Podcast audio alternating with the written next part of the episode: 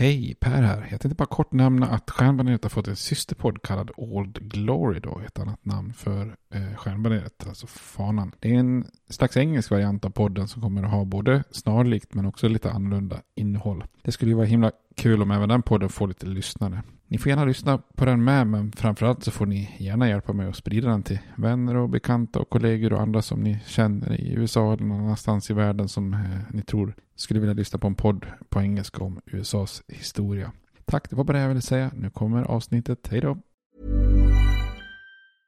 Selling a little or a lot? Shopify helps you do your thing however you cha-ching. Shopify is the global commerce platform that helps you sell at every stage of your business. From the launch your online shop stage to the first real life store stage, all the way to the did we just hit a million orders stage. Shopify is there to help you grow. Shopify helps you turn browsers into buyers with the internet's best converting checkout. 36% better on average compared to other leading commerce platforms because businesses that grow grow with Shopify. Get a $1 per month trial period at Shopify.com slash work. Shopify.com slash work. Millions of people have lost weight with personalized plans from Noom, like Evan, who can't stand salads and still lost 50 pounds. Salads generally for most people are the easy button, right? For me, that wasn't an option. I never really was a salad guy. That's just not who I am. But Noom worked for me. Get your personalized plan today at Noom.com. Real Noom user compensated to provide their story. In four weeks, the typical Noom user can expect to lose one to two pounds per week. Individual results may vary.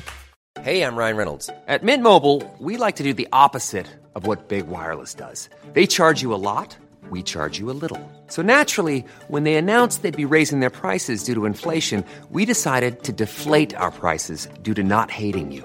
That's right. We're cutting the price of Mint Unlimited from $30 a month to just $15 a month. Give it a try at mintmobile.com slash switch. $45 upfront for three months plus taxes and fees. Promo rate for new customers for limited time. Unlimited more than 40 gigabytes per month. Slows. Full terms at mintmobile.com.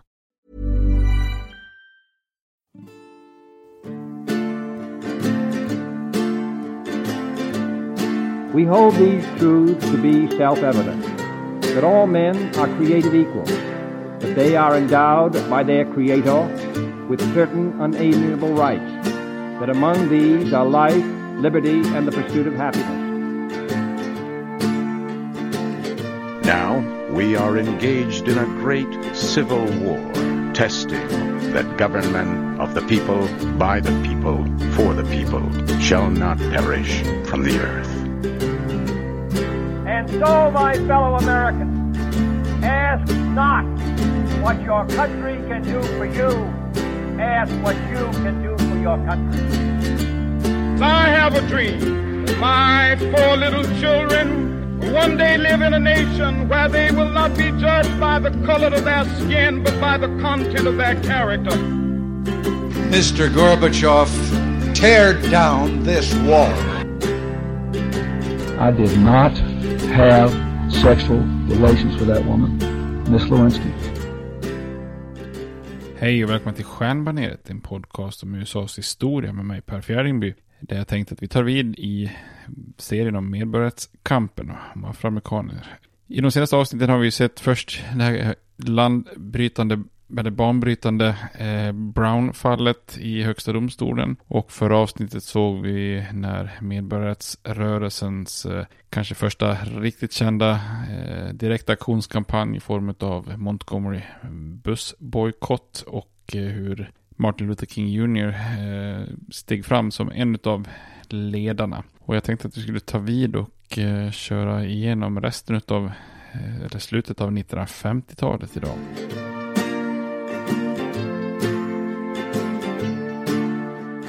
Om vi backar lite till den här domen då i fallet Brown vs. Board of Education så ledde ju inte det till eh, en desegregering av skolor i södern över en natt direkt. Under år 1955 så höll högsta domstolen hearings för att då bestämma hur desegregeringen skulle kunna genomföras. Och det var ingen lätt uppgift att hitta en väg att eliminera segregeringen av tusentals skolor i södern då. Eh, en region som liksom avskydde själva essensen i det här Brown-fallet. Flera av eh, domarna i högsta domstolen var ju övertygade om ett alltför snabbt försök att implementera domen i Brown-fallet och desegregera skolorna i södern skulle leda till ett våldsamt bakslag. Eh, NAACP till exempel lobbar ju för att domstolen, domstolen skulle sätta ett definitivt datum när alla skolor bara måste vara desegregerade. I maj 1955, eh, alltså ett år efter själva eh, domen i Brown-fallet, så kom högsta domstolen eh, i en till dom, en andra dom som oftast då brukar bara benämnas som Brown 2.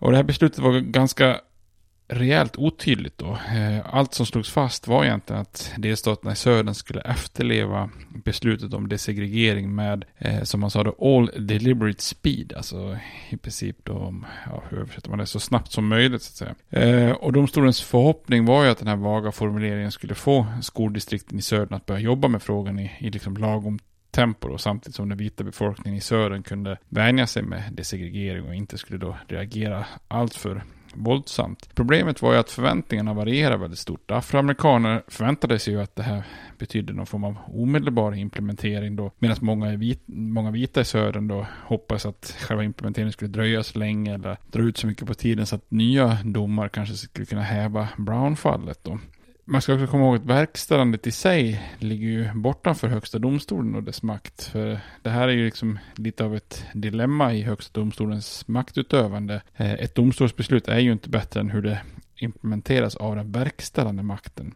Eh, så på något sätt måste ju viktiga domar alltid vara liksom i linje med sin samtid och helst ha en allierad i Vita huset då, alltså en president som verkställer beslutet då. Det här är ju en liksom en, en sak som uppstår redan i början på 1800-talet när chefsdomaren John Marshall och president Andrew Jackson eh, hamnar i luven med, varandra, med varandra så att säga. Där Andrew Jackson sätter sig upp mot högsta domstolen på 1830-talet och vägrar att implementera vissa domar så att säga. Eh, medborgarrättsrörelsen och Högsta domstolen eh, hade ju också dessvärre då ingen större vän i president Dwight Eisenhower. För den här nya republikanska presidenten eh, var ju mindre intresserad av afroamerikanska medborgerliga rättigheter än, än föregångaren då, demokraten eh, Harry Truman.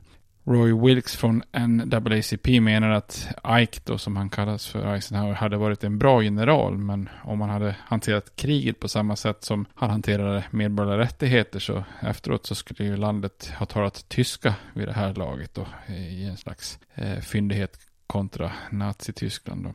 Redan som general för en segregerad armé så hade ju Eisenhower motsatt sig eh, Trumans beslut om att desegregera armén. Eh, så innan chefsdomaren Earl Warren levererade sin dom i Brown-fallet hade Eisenhower bjudit in honom till Vita huset så att han skulle kunna introduceras för John Davis som försvarade segregeringen i det kända fallet. Då.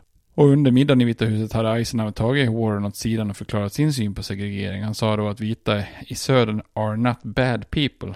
All they are concerned about is to see that their sweet little girls are not required to sit in school alongside some big overgrown negro. Det är alltså hans syn att, synsätt att se på det här. Lite, lite, lite grann påminna av det här eh, Trumps uttalande om att det är good people on both sides, eller vad han sa efter attentaten vid Charlottesville eh, 2017 var det och när Warren och Högsta domstolen beslutade sig för att eh, desegregera skolan då i sin dom eh, så var ju president Eisenhower väldigt besviken. Eh, han var ju egentligen mot beslutet men samtidigt uppmanade han amerikaner att lyda lagen. Så officiellt ut, uttalade han sig varken egentligen för eller mot beslutets moraliska aspekter men privat så ifrågasatte han visdomen med Brown-fallet ganska, ganska rejält då. Det fanns ju också politiska skäl för Eisenhower. Det republikanska partiet hade ju efter år av demokratisk dominans i södern försiktigt börjat tippa flera delstater till sin sida då i just presidentvalet 1952 när Eisenhower vinner då. Han hade ju vunnit då i bland annat Delaware, Maryland, Virginia, Missouri, Florida, Texas och varit nära även i South Carolina. Men 80% av afroamerikanerna som grupp hade ju fortfarande stöttat demokraterna så republikanerna hade lite att vinna i södern genom att stödja medborgerliga rättigheter i allmänhet och såklart rösträtt då i, i, i synnerhet. Då. Trots att Eisenhower inte ställde sig helhjärtat bakom desegregering av skolor så började, började processen i flera delstater i, i särskilt då den övre södern under åren 1955 till 56. Eh, och då är det i delstater som Delaware, Kentucky, Missouri och Oklahoma då, eh, varav ja, tre är ju de tre är ju forna slavstater som hade ens lämnade unionen 1861 under inbördeskriget och eh, Oklahoma var ju inte ens en delstat vid den tiden då. Där tar ju då lite mer moderata politiker tag i frågan. Man ansåg att det var helt onödigt att ta en eventuell konflikt mot den federala makten och det var lika bra att lyda i Brown-domen då så att säga. Men i de flesta delstaterna i södern var man fortfarande fast besluten om att försöka bestrida domen då i Brown-fallet. Eh, här skulle liksom inte desegregeras några skolor. Vit makt skulle behållas oavsett egentligen då priset kan man säga. Och överallt i södern så bildas grupper som kallas då för White Citizens Council. Ofta bestående av den vita medelklassen och, och många ledande inflytelserika invånare i södern. Det blir en slags liksom, vad ska man säga, medelklassvariant av, av eh, klanen helt enkelt. Extrema predikanter som Jerry Falwell använder bibel, bibeltolkningen för att hävda att svarta aldrig kunde vara annat än underlägsna och menar att högsta domstolens dom i Brown-fallet var snarare influerat av kommunister i Moskva. Då. Det här är liksom en sån här, eh, vad ska man säga, det kortet man väldigt ofta spelar ut eh, när man är emot medborgerliga rättigheter. Så då alla rörelser som förespråkar det här är ju på något vis någon Moskva-styrd komplott så att säga. Eh, politiker i södern mobiliserar sig också då eh, ärkerasister som, om man säger senatorerna Strom Thurmond från South Carolina, eller Richard Russell från Georgia, eller Harry Byrd från Virginia, eller James Eastland från Mississippi tar ju då initiativ till ett slags uppror och proklamation då som har gått till historien som The Southern Manifesto. Eh, det här är ju inget nytt, det här är sådana här Southern Manifestos fanns ju liksom innan inbördeskriget också så att säga. Och eh, regelrätta konvent som försökte stoppa liksom eh, södern från att, eh, eller rädda söderns slaveri så att säga. Eh, men i den här Southern Manifesto så svor de som skrev under att man då motsätter sig Brown-domen och tog på sig att jobba för att få domen upphävd. Eh, och i manifestet så tydliggör man att målet var ju att bevara Söderns livsstil och segregering. Man hävdar att helt enkelt att högsta domstolen tagit sig mer makt än vad man hade eh, i Brown-fallet och, och gjort våld på konstitutionen. Vissa lite mer moderata politiker i södern tvättade ju bort de allra mest uppenbara, uppenbara liksom rasistiska formuleringarna som Strom Thurman först adderat när han skrev ett första utkast. Men budskapet var ju tydligt så att säga. Manifestet gjorde klart att gällande liksom att domen i Brown-fallet eh, skulle undertecknarna använda all lawful means to bring about the reversal of this decision, which is contrary to the constitution, säger man då. Även enigheten i södern och nivån på motståndet mot desegregering tydliggörs med det här Southern Manifesto. Hela 101 av söderns 128 kongressledamöter eh, skriver under Southern Manifesto. Då. Eh, samtliga senatorer från södern, utom två faktiskt, skriver under det här. Då, så det är ju nästintill en slags enighet i att motstå det här. Då. Man kan notera att de två senatorerna som inte skriver under Southern Manifesto är Lyndon B. Johnson från Texas då, som sen blir president. Eh, och även då Albert Gore senior från Tennessee då, alltså Al Gore, eh, Clintons vicepresidents pappa helt enkelt. Då. När Arkansas kongressledamot Brooks Hayes tvekar på att skriva under så låter då Arkansas guvernör Orwell Phobos meddela att if he refuses to do, do so his constituents would consider him a traitor to the southern way of life and turn to racial extremists to, for leadership. Så att eh, det är hård press på de här kongressledamöterna att skriva under det här eh, manifestet. Då. Och ett av offren för det här förnyade motståndet i södern, det var ju då organisationen NAACP. Efter den här domen i Brown-fallet så var det ju många som tyckte att eh, de hade gått för långt så att säga. Det var ju egentligen deras, eller organisationen så att säga, kronjuvel då. Så efter domen så är det flera delstater i södern som ja, helt enkelt för, försöker utplåna den här klassiska organisationen för afroamerikanska rättigheter inom sina delstatsgränser. Eh, NAACP anklagas för att ha kopplingar då till en världskommunistisk konspiration. Så 1957 hade nio delstater gjort medlemskap till i NAACP helt enkelt då illegalt. Eh, och i södern så sjönk antalet medlemmar som, som ett brev på posten då från drygt 128 000 till knappt 80 000 medlemmar. Och hela 246 lokala kontor får man då helt enkelt lägga ner då.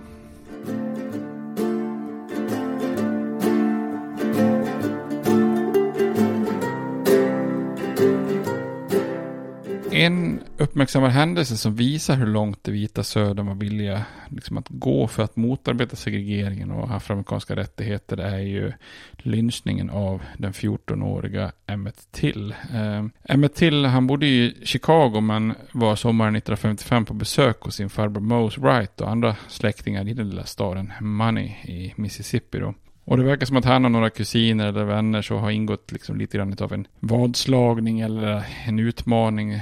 Eller till då utmanades att våga tilltala en kvinnlig expedit i en livsmedelsaffär då. Exakt vad som hände är ju något oklart. Eh, men eh, Emmett Till går i alla fall in i butiken och köpte godis och på vägen ut så, så ska han ha visslat till eller sagt typ bye baby till då Carolyn Bryant som var då butiksägarens fru som jobbar där. Och för en svart pojke då på 14-årsåldern att tilltala en vit kvinna på det här viset var ju ett grovt brott mot den här rasetiketten som jag har beskrivit i tidigare avsnitt och hon jagar då ut honom ur affären. Och Emmett Till, han hade förmodligen inte riktigt koll på läget hur långt vita i en då rasistisk delstat i södern som Mississippi var villiga att gå då för att upprätthålla den här rasetiketten. Hans mamma hade ju varnat honom innan han reste söderut från Chicago då att Mississippi eh, och Chicago är som skilda världar då på många sätt och att han inte kunde agera gentemot vita som han gjorde på hemmaplan då. Eh, butiksägarens fru då, Carolyn Bryant, hon berättar för sin man eh, och, och, senare under rättegången hävdar hon att Till då har tagit på henne och hållit henne om midjan och gjort väldigt sexuella kommentarer. Eh, senare skulle hon ju erkänna att hon överdrivit det där med fysiska närmanden. Det är också ett sånt mönster man, man ser ganska ofta att man Eh, att kvinnor anklagar eh, afroamerikanska pojkar och män och sen så visar det sig att man har tagit i lite under anklagningen så att säga. Och då är det oftast för sent. Hennes man Roy Bryant bestämmer sig hur som helst för att den här Chicago-pojken måste lära sig en läxa.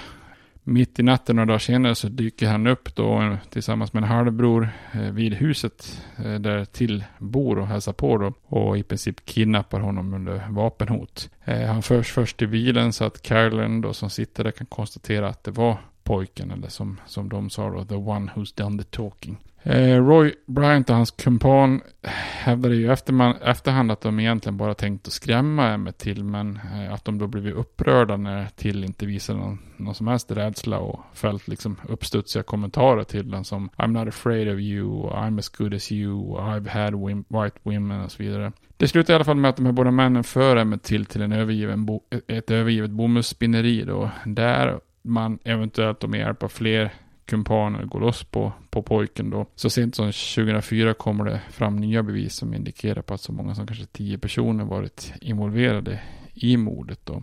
Och det de gör, eh, och då får jag återigen kanske varna ifall man tycker det är otäckt med våld, eh, att eh, hoppa fram en halv minut i podden då. Men det de gör då är ju att de misshandlar honom svårt, petar ut ögonen på honom, binder en fläkt från en sån här bomullsrensningsmaskin, då, en sån här cotton gin, eh, sån, eh, alltså gin, kort förkortning för engine, runt halsen på honom med taggtråd, skjuter honom i huvudet och dumpar den lemlästade kroppen i Tallahatchie-floden då, som, som eh, flyter förbi där. Trots väldigt överväldigande bevis och att tills farbror och flera andra svarta modigt vågar kliva fram och vittna vid rättegången så frias de här båda männen av en helvit jury som inte funderar mer än en timme på saken då. Och en jurymedlem sa att hade man inte suttit och druckit lite läsk och snackat så hade det tagit eh, avsevärt mycket kortare tid då.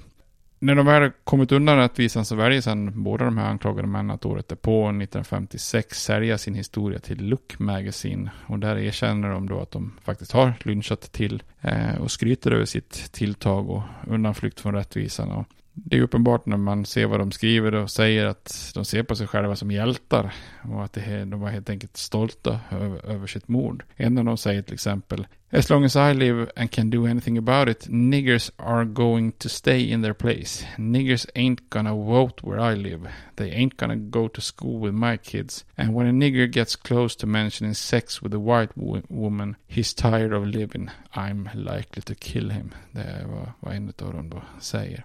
Och den här lynchningen av 14-åriga Emmett Till hade ju kunnat bli bara en i mängder av, av många andra. Eh, men istället så skulle den bidra starkt till att skjuta liv i medborgarrättsrörelsen tillsammans då med bussbojkotten i Montgomery. Och de så kallade Little Rock Nine som vi snart kommer till då. Och en viktig orsak till det här var ju att hans mor, Mamie Bradley, eh, hon bestämde sig för att inte låta världen vända bort blicken från mordet på sin son. Så vid begravningen hemma i Chicago så lät hon hans sargade och manglade lik visas upp i öppen kista. Eh, och tusentals sörjande passerar kistan och ser det fruktansvärda. Och hon valde också att resa runt i landet och hålla sorgsna tal som påverkar många starkt. Och bilder av Emmets Tills eh, sargade lik publiceras i, i många tidningar och skapar medvetenhet om det rasistiska våldet i, i Sören då. Och många svor på att bekämpa rasismen efter den här upplevelsen då. Eh, vill man se den här väldigt otrevliga men starka bilden på på den mördade Emmett Till så kan man ju söka på, på nätet.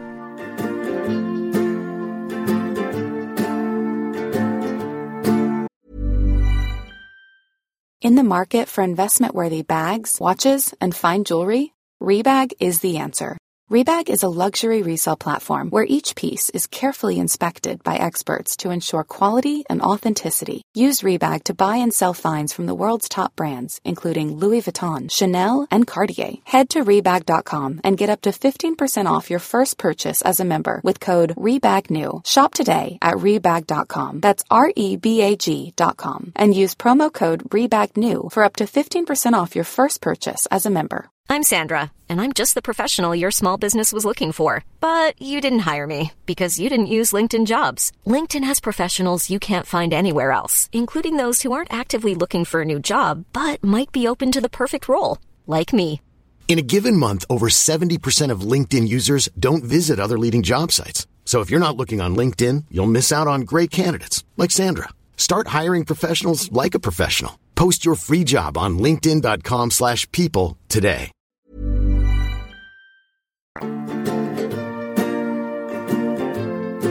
Mot bakgrund av The Southern Manifest och bekämpningen av NAACP och våldsamheter som lynchningen av Emmett Till så är det inte så konstigt att desegregeringen av skolor i södern bromsas upp och stannas av.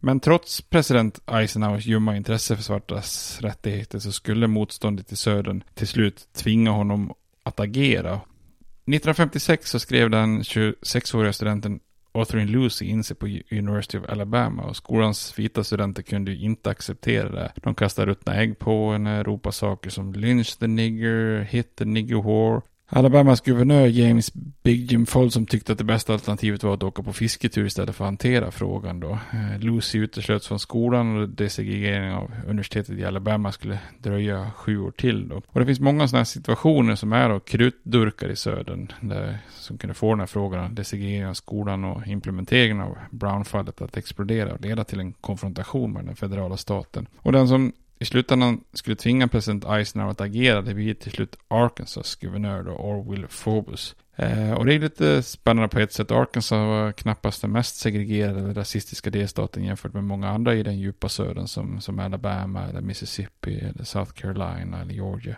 Universitetet i, i delstaten hade dessutom varit desegregerat sedan 1948. Och i själva staden Little Rock eh, så hade Eh, redan parker och bussar och sjukhus desegregerade, desegregerade, desegregerats. Skolstyrelsen i Little Rock hade 1955 bestämt att skolorna gradvis skulle desegregeras även på underuniversitetsnivå. Eh, man tillät därför enligt den här planen nio afroamerikanska elever att antas till Central High School. Eh, och det här var ju då, man har ju valt ut nio stycken elever som var föredömen, alltså samtliga de här nio hade bra studieresultat och en historia av att eh, sköta sig väl och så vidare då. Men guvernören Orwell, Orwell Phobos, han var ingen anhängare av integrering och tänkte sätta emot hårt. Då. Och han proklamerade med all önskvärd tydlighet att stadens vita aldrig skulle kunna tolerera en integrering av någon high school eller någon lägre skola. Och de här nio eleverna som i till historien blir kallade då för The Little Rock Nine anländer för att skriva in sig för utbildningen då den 4 september 1957 så möts de av en arg vit mobb som häcklar dem och skriker hot om lynchning och så vidare. Men inte nog med det. Phobos har dessutom placerat ut 270 soldater ur nationalgardet då för att hindra de här svarta eleverna att komma in i skolan. Då.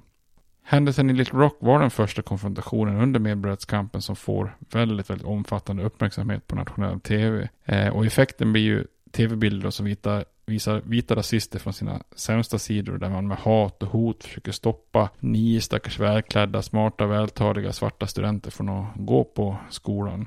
Och de här, den här medieövervakningen och tv-bilderna skulle ju ge en väldig skjuts i medborgarrättsrörelsen. Eh, många amerikaner som sitter i andra delar av landet känner ju väldigt stor sympati för kampen om medborgerliga rättigheter för, för alla då så att säga. Och många uppmanar ju då presidenten att, att, att agera och, och göra något i det här då. Eisenhower föredrar ju att ducka frågan men inser till slut att han måste agera på något sätt. Då. Eh, och det han gör först är att han kallar guvernör Phobos till ett möte med honom i Newport, Rhode Island under lite avslappnade förhållanden för att övertala honom att ändra sig helt enkelt. Eh, Phobos lämnar mötet med ett löfte att låta nationalgardet skydda de här nio eleverna.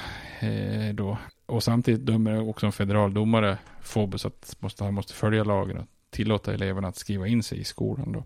Men Phobos, han spelar ett fast spel. Han skiter i både federala domstolar och presidenten. När han återvänder hem till Little Rock så beordrar han bara nationalgardet att lämna skolan, vilket innebär då att de här nio eleverna egentligen helt är i händerna på den här arga vita mobben istället då.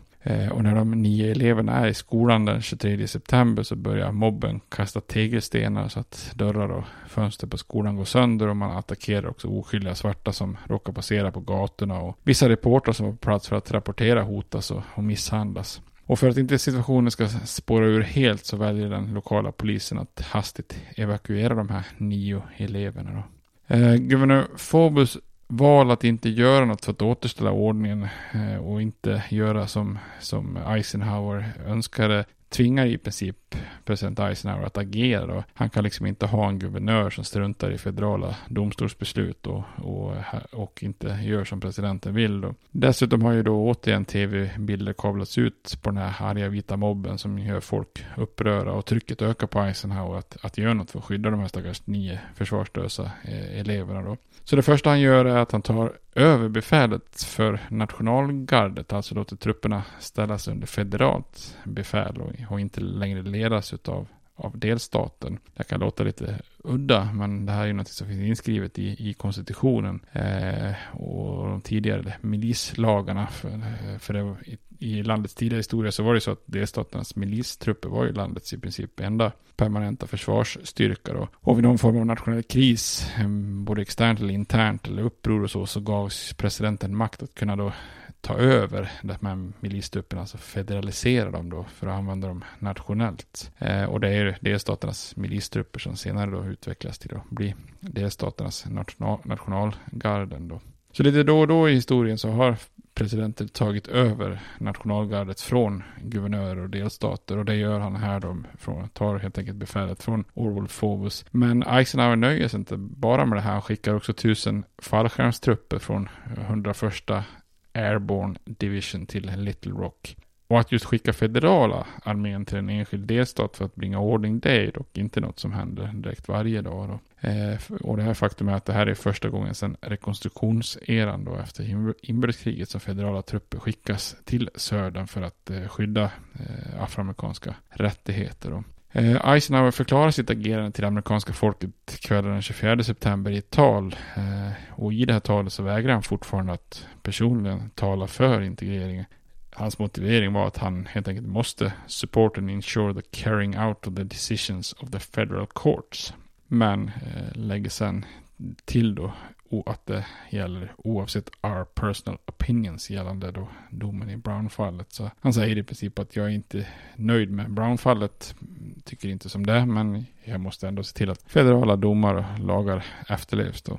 Med skolan då omringad av soldater med fixerade bajonetter på gevärerna så kunde sedan de här nio studenterna eskorteras in i skolan. Och de här nio studenterna, The Little Rock Nine, fick förutom att inleda sina studier med livet som insats, sen också utstå alla tänkbara trakasserier under sina skolår då. Eh, men åtta av dem fortsätter utbildningen. Eh, det är en av eleverna Mini-John Brown som suspenderas på grund av slagsmål efter att ha gett igen mot vita elever som trakasserar henne. Så att det är väl antagligen så att bägaren rinner över för henne tyvärr.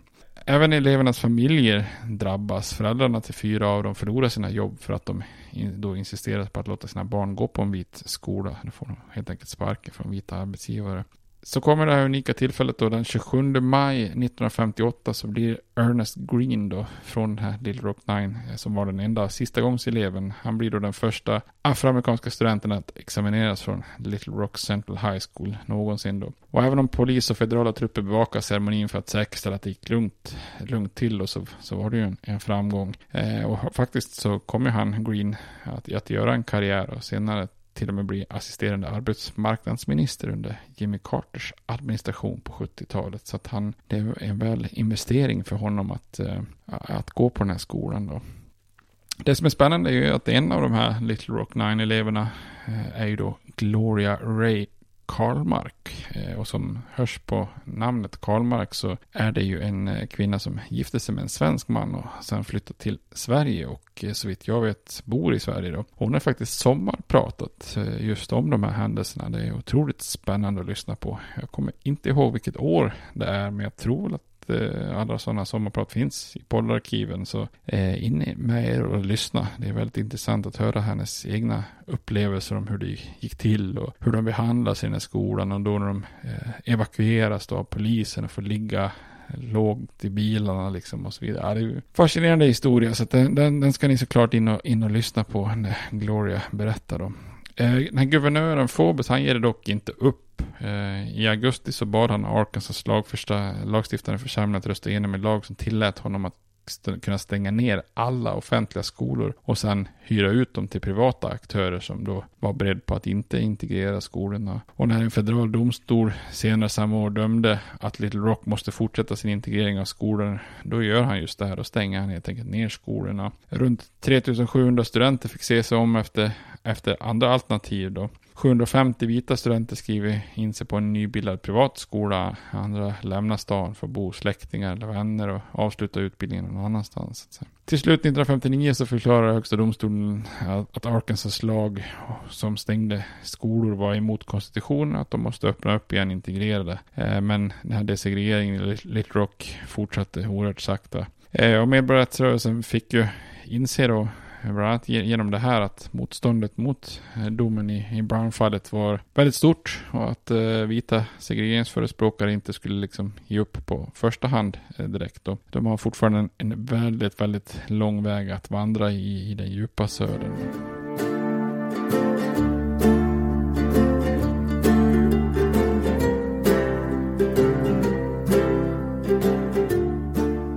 Tittar man då på bussbojkotten i Montgomery, eh, mordet på Emmett Till och Little Rock Nine så är ju det oftast beskrivet som en start på medborgarrättsrörelsen. Men vad ska komma ihåg också att de här händelserna i sig var ju ganska enskilda och isolerade öar eh, under de fem åren som förflyter efter domen i Brownfallet 1955 och eh, år 1960 då när, när vi ser att medborgarrättsrörelsen skjuter fart på, på riktigt allvar då.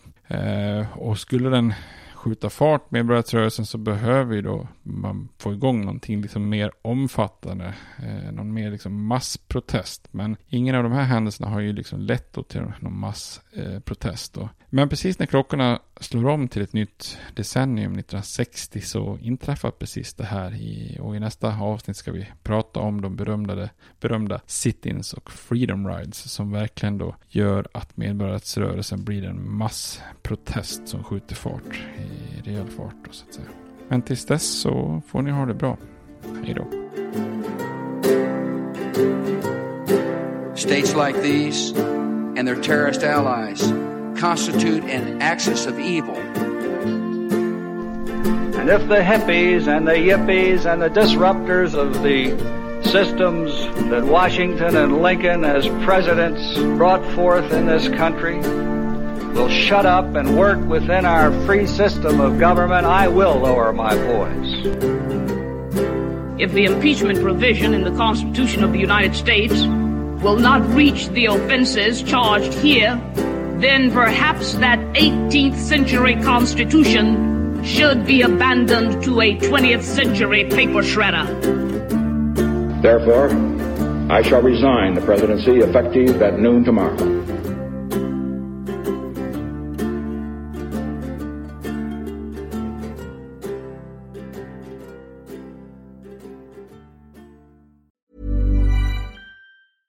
Selling a little or a lot? Shopify helps you do your thing however you cha-ching. Shopify is the global commerce platform that helps you sell at every stage of your business. From the launch your online shop stage to the first real life store stage, all the way to the did we just hit a million orders stage. Shopify is there to help you grow. Shopify helps you turn browsers into buyers with the internet's best converting checkout. 36% better on average compared to other leading commerce platforms because businesses that grow grow with Shopify. Get a $1 per month trial period at shopify.com/work. shopify.com/work. Planning for your next trip? Elevate your travel style with Quince. Quince has all the jet-setting essentials you'll want for your next getaway, like European linen, premium luggage options, buttery soft Italian leather bags, and so much more. And is all priced at 50 to 80% less than similar brands. Plus, Quince only works with factories that use safe and ethical manufacturing practices. Pack your bags with high-quality essentials you'll be wearing for vacations to come with Quince. Go to quince.com/pack for free shipping and 365-day returns.